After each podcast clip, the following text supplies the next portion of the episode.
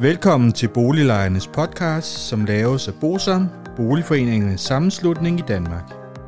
Bosam er en engageret og aktiv lejeorganisation, som har specialiseret sig i at bistå og rådgive beboerorganisationer i private udlejningsejendomme og afdelingsbestyrelser i almen boligejendomme.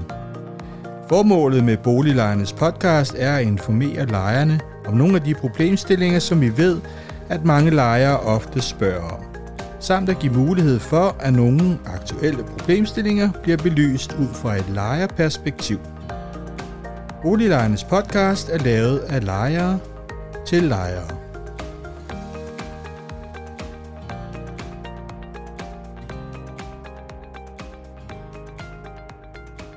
Velkommen til Boliglejernes podcast. Mit navn er René Sur, og jeg arbejder i Bosom.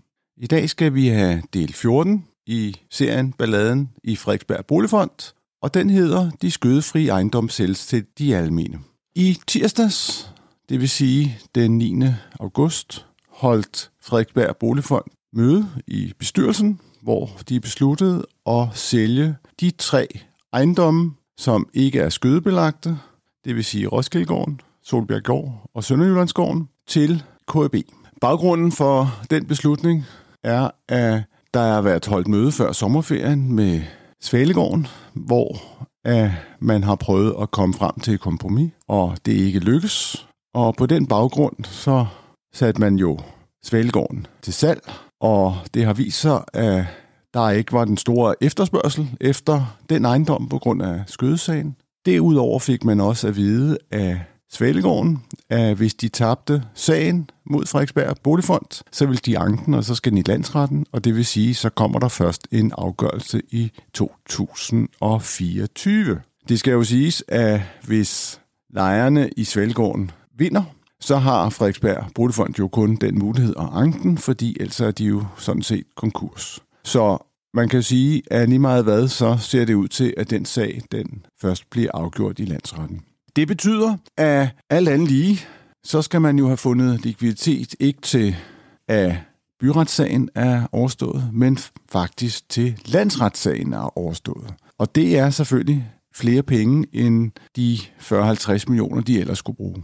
Og det betyder, at de så har måtte se sig ind i, skal vi sælge en, skal vi sælge to, skal vi sælge tre, eller skal vi sælge dem alle sammen, og skal det være til en køber, eller hvad skal vi gøre? Og der har det altså vist sig, at KAB er kommet på banen med et samlet tilbud om at købe de tre ejendomme, og det vil sige, at de så bliver, bliver sammen.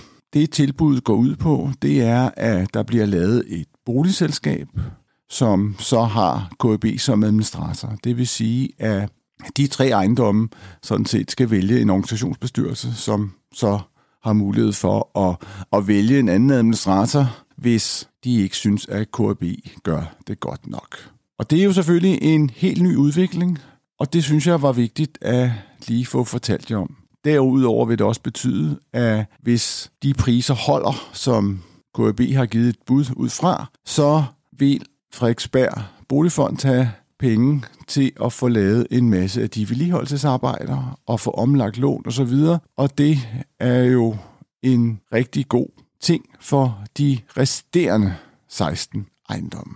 Hvis vi skal forholde sig til de tre ejendomme, som, som det hele handler om, så fik vi det at vide i går, det vil sige onsdag den 10., fordi jeg optager her torsdag morgen. Og på det møde i går aftes, der fik vi at vide, det var fondsbestyrelsen eller formandskabet, der fortalte de tre ejendomme om det, og der var selvfølgelig mange spørgsmål til dette. Hvis vi starter med at se, hvad det var, at Frederiksberg Boligfond havde overvejet øh, lidt om, hvem de skulle sælge til, og der havde de ikke sendt ejendommene ud i sådan frit udbud, det vil sige, at alle havde mulighed for at byde, og det vil sige, at der var en del kapitalfonde, der ikke fik lov at komme med, men det var nogle pensionskasser og lignende, som, som fik, fik lov til at, at give et bud, og så, som sagt, så var det jo altså KB, som, som man har valgt at, at gå videre med.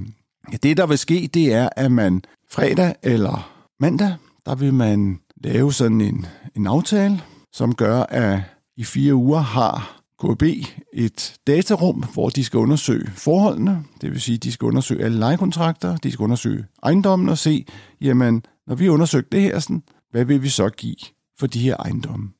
Derudover så forpligter Frederiksberg Boligfond sig til i de fire uger til ikke at snakke med andre omkring et bud på de her ejendomme. Det som KB så skal, det er, at de så skal lave nogle budgetter og lignende, som gør, at man kan lave en tilbuds pligt over for lejerne, og den kommer til at løbe fra midten af september og så 10 uger frem, hvor lejerne, som på helt almindelige vilkår, skal tilbydes at overtage ejendommene på andets vilkår. I den forbindelse så skal der jo laves alle mulige papirer og, og, og ting og sager, som skal findes frem. Og det er jo lovbestemt, hvor meget der skal med der, og det skal jo gøres klart.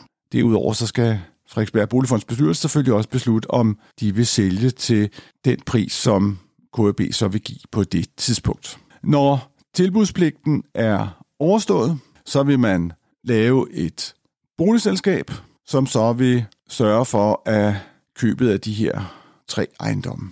Det, der er interessant her, det er, at Frederiksberg Boligfonds bestyrelse har besluttet at give lejerne i de tre berørte ejendomme muligheder for stadig at stå på ventelisten og have mulighed for at flyve for redenlejligheder i Frederiksberg Boligfonds ejendomme. Og det er da i hvert fald noget, som lejerne kan få ekstra i den her forbindelse. Det er jo altid en, en kedelig ting at blive solgt.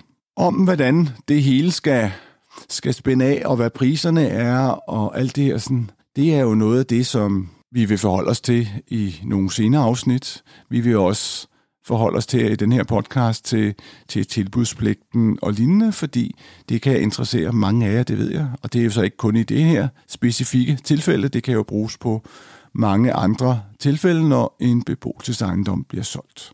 Det her det er så bare en speciel situation, fordi at det er en situation, hvor en privat udlejer sådan set beslutter, at nu skal der omdannes tre ejendomme til almene boliger. Og det betyder jo så, at det nye udspil for regeringen, som kom sidste år, Fonden for blandede boliger kommer i spil, og de har jo mulighed for at give et tilskud på 20% af salgssummen, så man bedre kan få økonomi i det her alt i alt så bliver det utrolig spændende at se, hvad der kommer til at ske.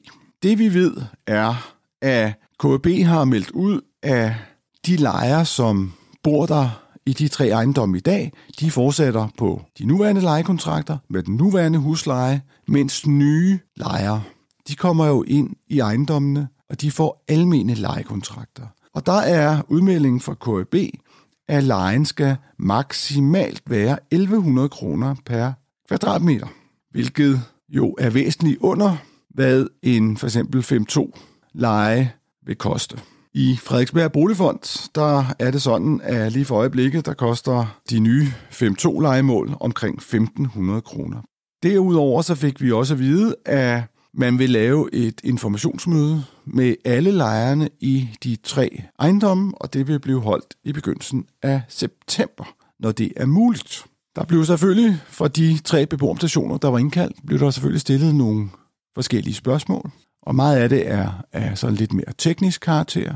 Den vil jeg ikke komme så meget ind på. Jeg vil dog sige, at der blev spurgt ind til Svalegården, om, hvad der skal ske med den ejendom, nu når den ikke bliver solgt. Og der var fondsbestyrelsen rimelig fast i kødet, fordi de kunne fortælle, at de har taget en beslutning, at den skal sælges. Lige snart at retssagen er overstået, så bliver ejendommen solgt. Det var det, vi fik at vide på informationsmødet i går. Og jeg synes, at det er vigtigt, at vi så hurtigt som muligt kommer ud med den her podcast, og det er også derfor, at det bliver emnet for, for dagens afsnit, fordi at jeg ved, der er jo en, en små 600 lejere, som er spændt på at, at høre, hvad der kommer til at ske, og det er vigtigt, at vi får informationen ud. Det er det, vi ved lige nu.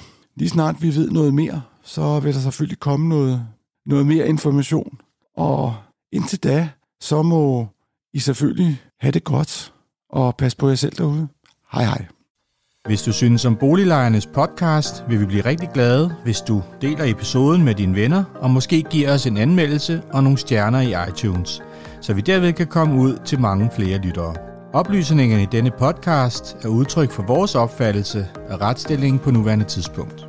Men husk, at retsstillingen kan have ændret sig, når du hører denne podcast, da der kan være kommet ny lovgivning eller praksis på området. Den videre vigtigt at være opmærksom på, at gennemgangen i denne podcast alene har været overordnet for at give et overblik og derfor ikke kan regnes for en udtømmende gennemgang af emnet.